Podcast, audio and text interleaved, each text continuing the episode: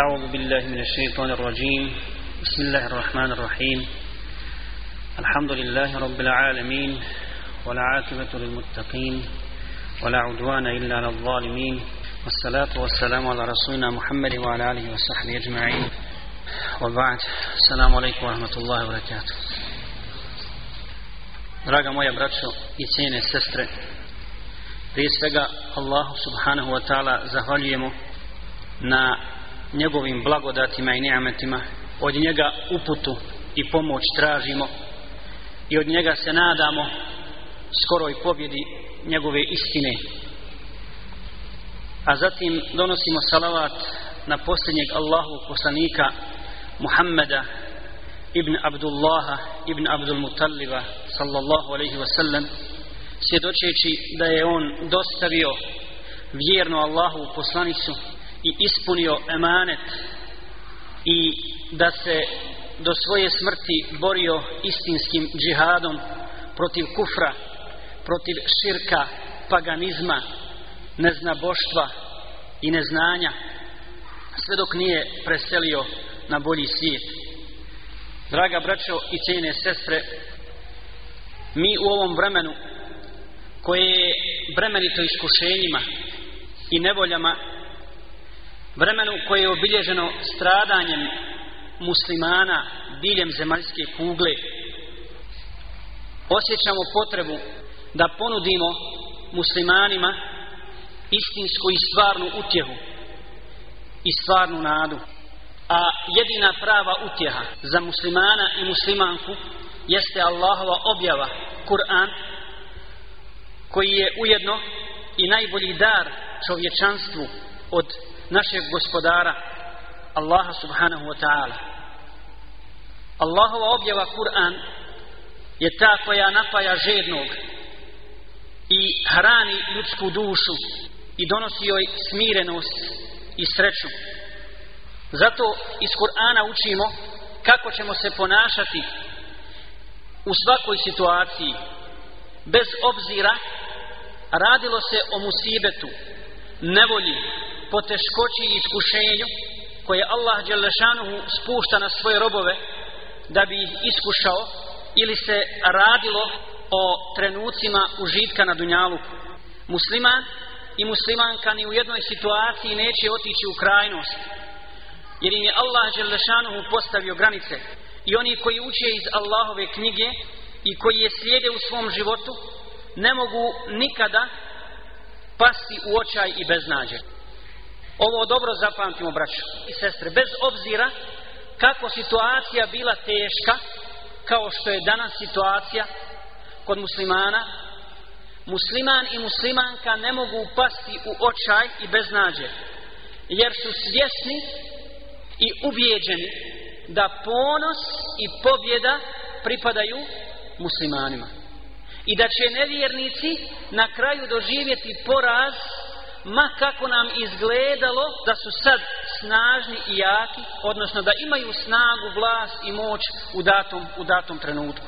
Allah subhanahu wa ta'ala nam, braćo i sestre, u Kur'anu spominje mnoge primjere čija pouka i poruka je jedinstvena. A to je, nema toga, nema toga ko se može na zemlji uzdići iznad Allaha subhanahu wa ta'ala I drugo, ničija veličina i snaga i moć nije trajna. Kullu šein halikun illa ođher, kaže uzvišeni. Sve što je Allah stvorio, propada i nestaje, osim gospodara svjetova. Mi znamo i svjesni smo koliko je država i imperija bilo na zemlji koliko je zulumčara i nasilnika braćo i sestre protutnjalo dunjalukom i kako su okončali svoj život kako su završili svoj život cijela jedna sura u Kur'anu govori o jednoj takvoj državi i njenom imperatoru i zulumčaru oko koje ćemo mi se večeras i kod koje ćemo se mi večeras zadržati inša Allah i ona nas uči Dakle, ovaj Allahov govor i ova sura nas uči kome pripada konačna pobjeda i kome je lijep završetak. I ne treba da nas brine to što Allah subhanahu wa ta'ala daje dunjalučku vlast i snagu određenim sortama ljudi jer Allah im daje to na dunjaluku samo da bi kaznio da bi im to bila još veća kazna i da bi to bio još veći dokaz protiv njih. Dok ne dođe trenutak kad je Allah Đelešanu odredio i zapisao njihovu propas koju niko ne može odgoditi. Ta sura, braćo i sestre, je sura Al-Buruđ ili kako je kod nas prevedeno sazvježdja je sura koja uvijek iznova budi nadu kod muslimana čak i onda kad se nađu u situaciji koju smatraju i vide bezizlazno. Kada budu u teškoj situaciji kao danas. A vallahi, braćo i sestre, nije čudno, nije čudno nimalo što su danas muslimani na planeti zemlji u teškoj situaciji. Jer muslimani danas nisu ni blizu na visini zadatka koji im je povjeren ni na kakvom nivou, niti na bilo kojem polju životnom. Kad kažem nivou, mislim i na državni nivo, i na porodični, i na pojedinačni. Dakle, danas nemamo u svijetu, skoro da nemamo državu, gdje vlada Allahov zakon, gdje vlada šerija, a Allah Đelešanom ga je zbog toga objavio, da se vlada po njemu i da se uspostavi na zemlju, kako bi vladao mir, pravda i sreća među ljudima, Zatim, koliko su muslimanske porodice udaljene od Allahove istine, od Kur'ana, Allahove objave i sunata poslanika sallallahu alaihi ve sellem, možemo slobodno kazati, Kur'an je u jednoj dolini, a muslimanske porodice u drugoj. A također i kao pojedinci, kao ličnosti. Muslimani žive danas, danas u okruženju gdje vlada kufr, nered, nasilje, nemoral, nemoral, Dakle, kada muslimani nisu položili ispit, nisu položili ispit, kada nisu izvršili mnoge fardove od Allaha Đalešanuhu naređene, a jedan od njih je naređivanje dobra i zabranjivanje zla, onda se dao prostor sljedbenicima šeitana, njegovim vojskama da se raziđu po zemlji i da zavode i da vladaju. Čini mi se da živimo u vremenu za koje je Resul sallallahu alaihi sallam rekao je eti alen nasi zemanun men lem jakulu fihi riba nale gubaru doći će vrijeme ljudima kada će i onaj ko ne bude jeo kamatu dakle ko ne bude uzimao kamatu i poslovao namjerno s njom i svjesno bit okrznut i dohvaćen njenom prašinom dakle i ako je ne uzimao namjerno bojeći se Allaha Đelešanuhu ona ga neće neće zaobići, to jest, barem će ga prašina od tog grijeha dotaći. I ovdje, braći i sestre, islamski učenjaci kad tumači ovaj hadis, koje ga bilježe Nesaj i Bimađe i Ahmed, kažu da se to ne odnosi samo na kamatu, nego na svaki drugi grijeh i svako drugo zlo. I zinalu, i alkohol, i droga, razvrat, i tako dalje. I ova atmosfera i ovakav milje nije zaslužio pobjedu od Allaha subhanahu wa ta'ala. Sura Buruđ počinje, braćo i sestre, sa zakletom. Allah subhanahu wa ta'ala se kune nebesima. I kaže, a'udhu billahi mine shaitanir rajim, bismillahirrahmanirrahim, was-samai dhatil buruj, wal-yawmil maw'ud, wa shahidin wa mashhud, qutila ashabul uhdud tako mi neba sazvježđa okićenog i dana već određenog i prisutni i onoga što će biti prisutno. Buruđ je riječ koja upućuje, kažu u Fesiri, na nešto veličanstveno, nešto uzvišeno, nešto što ima velike i ogromne mogućnosti. Kao da je Allah subhanahu wa ta'ala u ovome ajetu htio da poruči svojim robovima, ljudima, razmislite ljudi ili razmisli ti čovječe koji imaš pamet, koji imaš razum, koji čitaš knjige istorije, slušaš i gledaš kome u istinu pripada veličina, kome u istinu pripada snaga i moć.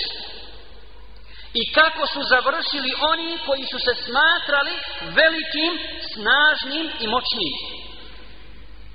ألم تر كيف فعل ربك بعاد zar ne znaš šta je tvoj gospodar uradio sa Adom irame dhati la imad allati lem juhlak mithluha fil bilad i sa stanovnicima Irema puna palata na stubovima kojima ravna ni u jednoj zemlji nije bilo zar ne znaš šta je Allah uradio sa Adom Zar nisu imali snagu? Zar nisu imali moć? Zar nisu imali vlast? I prkosili, prkosili gospodaru svjetova koji im je sve to dao i činili žulum i činili nasilje na zemlji. Wa samud, alladine džavu sahra bil wad. I samudom koji je stijene u dolinama klesao. Wa firaun, zil autad. I faraonom koji je šatore imao الذين تغوا في البلاد فأكثروا فيها الفساد koji su na zemlji zulum provodili, nasilje provodili i poroke na njoj umnožili. Subhanallah. Wallahi, kad s razumijevanjem čitamo ove ajete i pomno ih slušamo kao da su sad objavili. Nered su na zemlji ti tabuti i faraoni činili i poroke i nemoral, nemoral na njoj umnožili kao da je to naše vrijeme, kao da je to ovaj vakat u kojim su zulumčari uzeli maha, uzeli maha i čine zulum nezapamćen na zemlji. Šta je bilo s njima? Šta je bilo sa Adom? Šta je bilo sa Samudom? Fasabba alejhim rabbuke sauta adha. Pa je gospodar tvoj bić patnje na njih spustio. Adu nisu koristili visoki stubovi i velelepne građevine, niti snaga tiranska, niti Semudu je koristila njihova civilizacija i kultura i sve ono do čega su došli i što su uspjeli da izgrade, njihovo znanje, njihova sposobnost, ništa im nije koristilo. Niti faraonu, koji se bio toliko uzoholio da je sebe smatrao Bogom. Kome su se ljudi klanjali i koga su smatrali istinskim vladarom i Bogom. Kaže uzvišeni, audhu billahi min šeitanu rođim, inne firaune, على في الأرض وجعل أهلها شيعة زيث سفرون بيو أزدقاو بيو سفونيو نزمي استنوذيك نيني يبوديليو سكوبيني يستضعف طاعفة منهم يذبه أبناءهم ويستحي نساءهم إنه كان من المفسدين jedne je tlačio mušku je djecu ubijao a žensku je u životu ostavljao doista je veliki smutljivac bio. Dakle, do te mjere je išao faraon da je ubijao ubijao novorođenu mušku djecu. Subhano, šta su djeca kriva? Šta su mu muška tek rođena djeca skrivila? Kakav su grijeh učinili prema faraonu? A žensku je ostavljao a radi čega? Da bi se i življavao nad njima. I ne samo to, nego Allah Đelešanuhu kaže za njega da je govorio u suri Zuhruf 51. ajetu Ja qawmi elejse li mulku Misra wa hadihi l'anhara tađi min tahti o narode moj zar meni ne pripada vlast u Misiru zar meni ne pripada vlast u Egiptu i zar ja nisam vladar ovih rijeka koji ispod mene teku i Allah subhanahu wa ta'ala je dao da te rijeke koje su tekle ispod njega teku iznad njega Dakle, utopio se u tim rijekama. I kaže, audu billahi mine šeitan rođim, Rabbana, inneke atejte Fir'auna, wa malaahu zinatan, wa amwalan fil hajati džunija, Rabbana li ubillu an sabiri. Rabbena tmis ala amwalihim vaštud, ala kulubihim, fala yu'minu hatta jaravu l'azab al-alim. U suri Yunus, Allah subhanahu wa ta'ala govori o dovi koju je uputio ko? Allahu subhanahu wa ta'ala protiv faraona i njegovog nasilja. Musa alaih selam. Musa alaih selam kaže, gospodaru naš, ti si dao faraonu i glavešinama njegovim bogatstvo da u raskoši žive na ovom svijetu. Pa oni, gospodaru moj, zavode s puta tvoga. Gospodaru naš uništi bogatstva njihova i zapečati srca njihova, pa neka ne vjeruju dok ne osjete patnju, patnju nesnosnu. Ovo je dova Musa a.s. dok je on učio dovu, Harun a.s. je aminovo. On je učio dovu, a on je govorio amin. I Allah Đelešanu je uslišao njihovu dovu, uslišao njihovu dovu, kada je faraon izišao sa svojom vojskom, kao što današnji faraoni izlaze u borbu protiv muslimana, sa svojom vojskom, ne nadajući se da će ga stići poniženje i patnja, ponižavajuća smrt, izišao je oholo, mislio je da će dostići Musa i Selama i da će završiti sa njim i sa onim koji su ga slijedili. Međutim, Faraon je završio u moru. Završio je svoj život i skapao kao olinjali istrošeni magarac. Ostao bez spomena. Bez spomena. Ako se spominje, spominje se samo po zlu. Spominje se po lošim, spominje se po nasilju. I Allah se, braćo i sestre, u ovoj suri kune nebesima. Kune nebesima. Da li postoji veće stvorenje od nebesa? Allah subhanahu wa ta'ala postavlja izazov ljudima preko ovog stvorenja, dakle preko nebesa, u suri Mulk. Kada kaže, A'udhu billahi min shaitanir rajim, Alladhi khalaqa sab'a samavatin tibaqa, ما ترى في خلق الرحمن من تفاوت فرجع البصر هل ترى من فطور onaj koji je sedam nebesa jedna iznad drugih stvorio ti onome što milostivi stvara ne vidiš nikakva nesklada pa ponovo pogledaj vidiš li ikakva nesklada zatim ponovo više puta pogledaj šta će se desiti pogled će ti se vratiti umoran i klonuo zbog veličine tog stvorenja zbog veličine tog stvorenja a šta misliš čovječe kad se tvoj pogled vraća umoran s tog ogromnog stvorenja koje izaziva divljenje šta misliš onda o njegovom stvoritelju šta misliš o Allahu subhanahu wa ta'ala wal yawmil mab'ud wa shahidin wa mashhud i dana već određeno i prisutni i onoga što će biti prisutno Allah subhanahu wa ta'ala u ovim ajetima, braće i sestre, podsjeća na dan sudnji, podsjeća zulumčare na dan kada će se naći u teškoj i bezizlaznoj situaciji. Oni koji su na Dunjaluku činili zulum i tlačili muslimane, tlačili vjernike, toga dana i to pred očima, dakle, svjedoka, pred očima okupljenog naroda, danas možemo slobodno kazati pred očima čitavog svijeta. Jer preko sredstava informisanja čitav svijet može gledati i vidjeti šta rade zulumčari, šta rade nasilnici, kakvo nasilje i kakav nered i fesab čine na zemlji. I to bez grižnje savjesti, bez kajanja, bez samilosti, protesti ljudi upućeni njima protiv nereda, protiv nasilja povici i krici nevinih ljudi ne dopiru do njih oni ih ne čuju Allah poručuje njima da će doći dan u kojem će se situacija u potpunosti promijeniti toga dana ti silnici će biti svjedoci neizmjernog užitka muslimana, oni koji su vjerovali u Allaha Đelešanuhu, kao što će vjernici i vjernice biti svjedoci nesnosne patnje nevjernika i nasilnika. Svako će vallahi dobiti svoju platu i nikome se nepravda neće učiniti.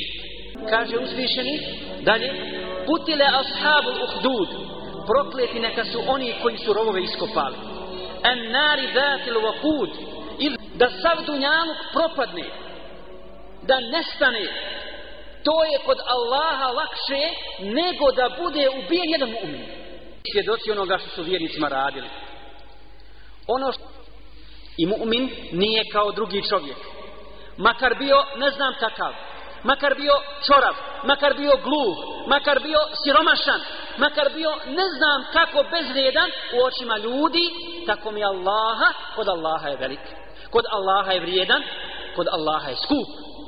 Vjerničkim i ne zna božačkim sistemima i zakonima, koji su uvijek isti, uvijek su isti, bez obzira kako situacija bila teška, kao što je danas situacija kod muslimana, musliman i muslimanka ne mogu upasti u očaj i beznađe, jer su svjesni i ubijeđeni da ponos i pobjeda pripadaju muslimanima. Oni koji ne vjeruju u Allaha subhanahu wa ta'ala i sudi dan i ne slijede Muhammeda sallallahu alaihi wa sallam, svi su oni bili i ostali na istom zadatku da čine zločin i zulum nad muslimanima. Nevjernici su tada iskopali u datom trenutku u određenom vremenu rovove i vatrom ih napunili i muslimanima su naredili tadašnjim vjernicima da se odreknu vjere, da ostave islam, da zanijeću Allaha subhanahu wa ta'ala i da tadašnjeg vladara, zulumčara priznaju za Boga. Kada su to odbili, kada su to odbili, oni su ih bacali u rovove s vatrom. Međutim, braćo i sestre, mu'minska srca se nisu pokolebala. Muminska srca se nisu pokolebala ni jednog trenutka. Čak se u jednoj predaji spominje, spominje majka Muminka koja je nosila tek rođeno dijete u naručju. U naručju, pa kada je došla do jame, odnosno do rova s vatrom i trebala da skoči u njega, kao da se pokolebala zbog djeteta. Zbog djeteta, šta je ono skrivilo? Treba sad da izbori u toj vatri. Allah subhanahu wa ta'ala je tada dao da to dijete novorođenče progovori i da kaže svojoj majci majko ne boj se ne boj se ti si na istini i tada je skočila sa njim i tada je skočila sa tim svojim djetetom dakle bačeni su gdje u dunjalučku vatru poslije koje više nikada vatru, ni tegobu, ni tugu neće osjetiti. Qirad hulil dženne. Allah je lišan spomnio u suri Jasin, onoga čovjeka što je s kraja grada došao. Vidite kako kod Allaha Đelešanu u njegu ovi nisu bitna imena. Došao je jedan čovjek, brižan, ljubomoran, na šerijat, da upozori svoj narod da sledi poslanike, pa su ga ubili. I Allah kaže, kada dohol il džennet, i bi rečeno, uđi u džennet, pa on kaže, kale ja lejte kaumi ja'lemun, da Bog do moj narod zna. Da Bog do moj narod zna. Bima ga fereli rabbi, ođe aleni minel mukremin. Da mi je moj gospodar oprostio i počastio me, učinio me, učinio me stanovnikom dženneta i najveće blagodat mi podario. Allah subhanahu wa ta'ala učvrstio mu'mine i podario im imansku snagu iako su bili mučeni vatrom. Tada, braćo i sestre, rovovi napunjeni vatrom. Danas, tenkovi, avioni, bombe i ostala oruđa i oruđa koja rigaju vatru. Sredstva se malo razlikuju, ali je dijelo isto i cilj je isti ubiti onoga ko vjeruje u Allaha, uništiti snagu muslimana i snagu islama istrijebiti sredbenike tevhida sa lica zemlje. Šta se desilo ovom vladaru? Ovaj vladar je kasnije bio iskušan dječakom. Dječakom koji nije bio puno doban. Koji je naučio istinu. Čuo je glas istine od jednog pobožnog i učenog čovjeka koji je krio svoje vjerovanje. I njegovo srce je prihvatilo istinu. Njegovo srce je prihvatilo istinu i pokazala se snaga imana kada je taj vladar vidio o kakvom dječaku se radi i htio ga je ubiti. Htio ga je ubiti. Osjetio je opasnost. Osjetio je opasnost jer je preko sihrbaza i ostalih zulumčara održavao svoju vlast. Međutim, nije uspio. Pošalje vojsku, ili grupu ljudi da ga baci s vrha planine u bezdan, u provaliju, on se vrati, vojska izgine. Pošalje ga na more s ljudima, da ga baci u more, on se vrati, kjafiri se ne vrati. Zatim, nakon toga, on hoće da ga ubije, da ga se riješi. Ovaj dječak je primijetio da je vladar u svom slijepilu totalno zalutao. Da želi samo da ga se riješi. Ali on, prozrao je njegove namjere, odlučio je da mu kaže kako će ga ubiti. Pa mu je rekao, sakupi narod. Sakupi narod i ja ću ti kazat kako ćeš me ubiti. Kad je sakupio narod, rekao mu je, uzmi koplje baci ga prema meni, ali prije toga reci u ime Allaha, gospodara ovoga mladića. Kada je to uradio, narod je to vidio, on je tada umro. Sad narod je šta? Prihvatio.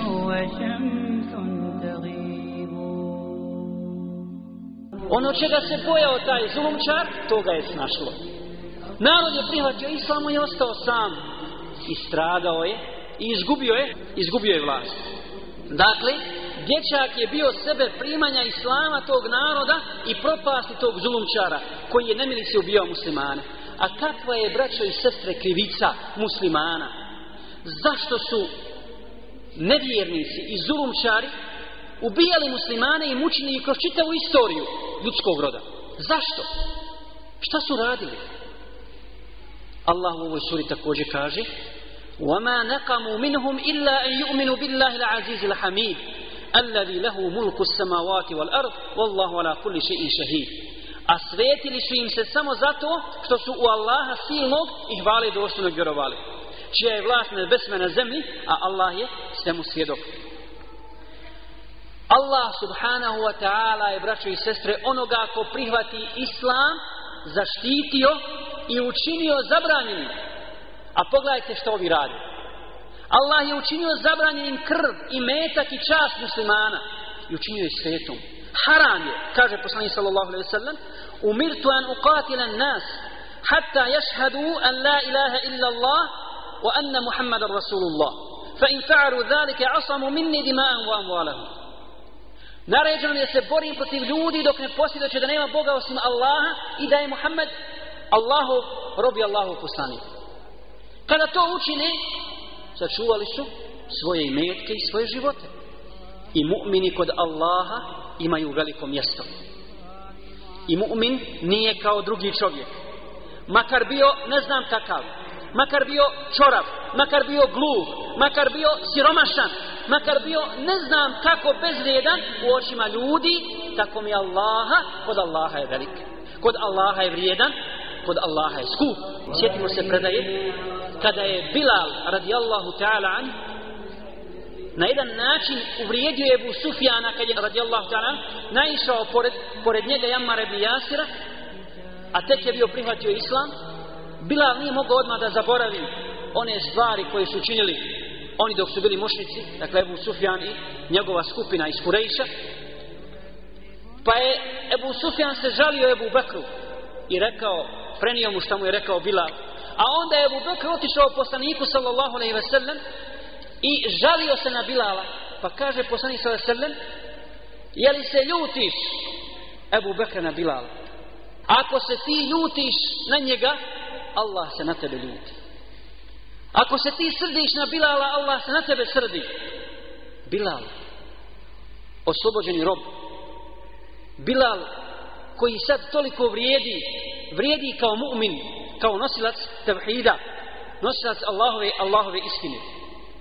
Bera ibn Azib prenosi hadis od Rasula sallallahu alaihi ve sellem koje ga bilježi ibn Mađe, gdje kaže poslanik sallallahu alaihi ve sellem dunija الدنيا ala Allahi min katli mu'minin bi gajri haq. da sav dunjaluk propadne da nestane To je kod Allaha lakše nego da bude ubijen jedan mu'min. Da sam dunjaluk nestane. Da se u prašinu pretvori.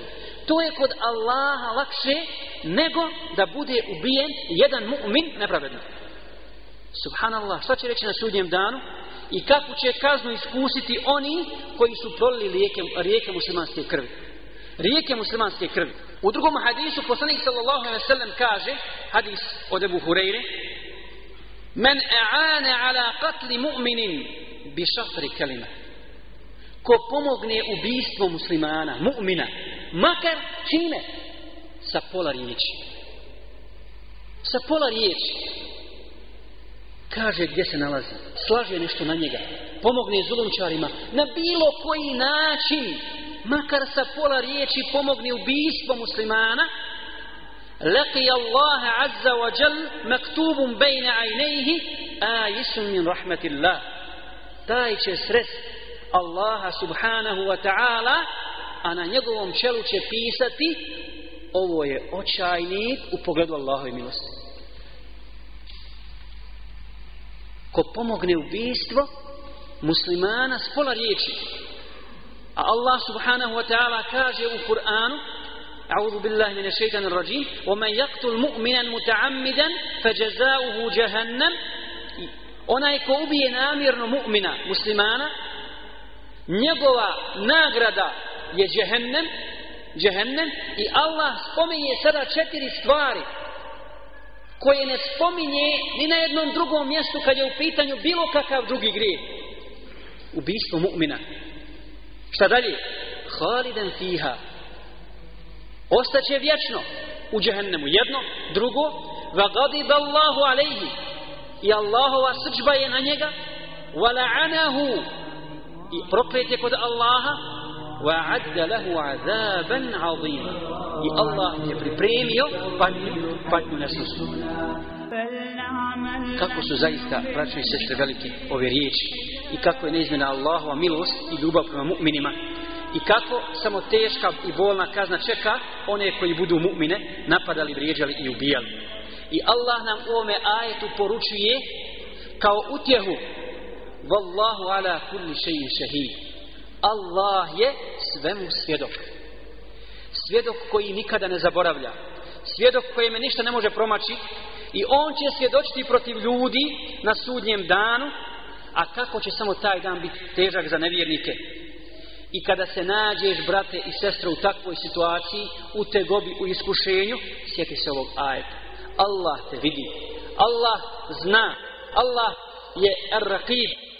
On gleda i vidi svoje robove. Budi svjestan. Budi svjestan toga da je Allah htio ne bi te stavio na to iskušenje. I Allah čini ono što hoće on će uništiti zulumčare i nevjernike i sigurno je za vjernike dobar kraj.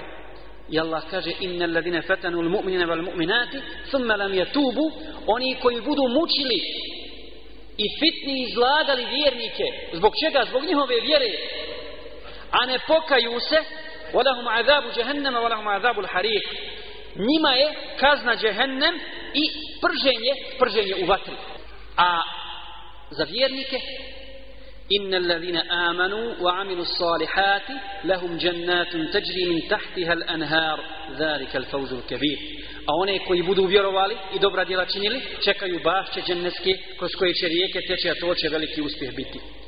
Zato ne tuguj muslimanu i muslimanko, ma kakav musibe te snađe na dunjaluku, sve dok su ta iskušenja na putu istine, na putu islama, nećeš propasti vallahi i ne možeš propasti ne možeš biti gubitnik ako se istinski bojiš Allaha Đelešan ako sediš put poslanika sallallahu alaihi wasallam i nadaš se nadaš se Allahu i nagradi zbog toga i Allah dalje nastavlja inne batuša rabbike la šedid innehu huwa yubdi wa yu'id wa huwa al-ghafurul wadud dhul arshil majid fa'alun lima yurid zaista je Allahova odmazda žestoka za nevjernike. On je iz ničega stvorio stvorenja i ponovo će to učiniti. Wahu al-Gafur. Al-Gafur, on je onaj koji oprašta kome? Onome komu se pokaje. Ko te učini, koji Allah spominje u ovoj suri. Al-Wadud, prepun ljubavi. Za koga? Za mu'mine. Za mu'mine za muslimane i muslimanke. Zula Arš il Međid, vlasnik i gospodar Arša, Arša veličanstvenog, prijestolja veličanstvenog, fa'alu lima yurid. On čini ono što želi, ono što on, ono što on hoće. Hel etake hadithul džunut, Firauna ve Femut, da li je do tebe doprla vijest o vojskama, o faraonu i o Semudu? Baril ladine kafaru fi takzib. Ali nevijenici, bez obzira što je dopra do njih ta vijest, bez obzira što znaju kako su završili zulumčari, prije njih poriču, poriču, vallahu min varaihim muhid. Oni Allahovoj kazni ne mogu umaći.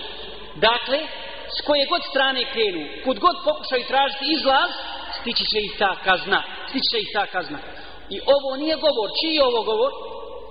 Nađeno u nekim historijskim knjigama, u nekim spisima, ne vallahi, bel huwa Kur'an međid to je Kur'an veličanstveni to je Allahov govor to je Allahova objava to je Allahova istina da će takva stvar da će takva kazna stići nevjernike i zulumčare one koji se bore protiv mu'mina protiv muslimana i muslimanki koji im zulum čine na zemlji fi lauhi mahfuz koji se nalazi u lauhi mahfuz zato i sebe i vas braćo i sestre posjeća na sliđenje puta poslanika sallallahu alaihi sallam i na opasnost od zaborava na Allaha subhanahu wa ta'ala jer tako mi Allaha zaborav na Allaha donosi tugu i očaj i patnju i na ovom i na budućem svijetu a oni koji budu na istini i koji budu i ibadet činili kako kaže poslanik sallallahu alaihi sallam hadisu koji budu ibadet činili i ustrajali ibadetu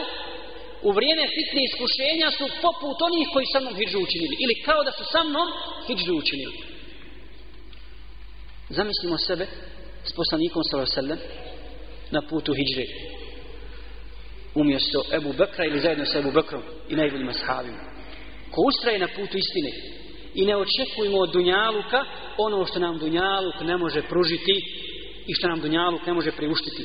Jer Dunjaluk je kuća iskušenja i prolazna stvar. I ono što mi kao vjernici, braće i sestre, treba da očekujemo od dunjaluka, to je jedno od dvoje. Jedno od dva dobra. Koje Allah žele ženo obećava mu'minima. Kul hal tarabbasuna bina illa ihdel husnejeji. Reci, zar očekujete i zar smatrate da će nas pogoditi išta osim dva dobra? Da će nas naći išta osim dva dobra? Jedno je pobjeda nad kufrom i molimo Allaha da ubrza pobjedu istine I drugo je smrt na Allahovom putu. Pobjeda istine predstavlja istinski život. Smrt na Allahovom putu također predstavlja istinski život. Sve drugo je smrt, stvarna smrt, umiranje na tenane, poniženje, očaj i tuga. I kazna i patnja.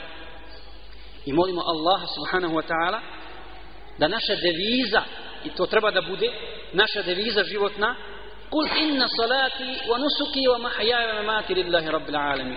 Reci, moj namaz i svi obredi, sam moj ibadet i moj život, i moja smrt su u ime Allah. Pripadaju Allahu subhanahu wa ta'ala. Spodar života i smrti, njemu ćemo se vratiti. I molimo Allaha subhanahu wa ta'ala nas na putu istine da okupi ovaj ummet na riječi tevhida da ujedini muslimane da uništi kufr i nevjernike da nas učini od onih koji će ostati na istini do svoje smrti i da nas učini istinskim dajama dajama i promicateljima Allahove, Allahove istine koji se na tom putu neće bojati ničijeg, ničijeg prijekora Allah subhanahu wa ta'ala da oprosti grijehe da nas uvede u džennet s poslanikom sallallahu alejhi ve sellem koji su nas pretekli dobro amin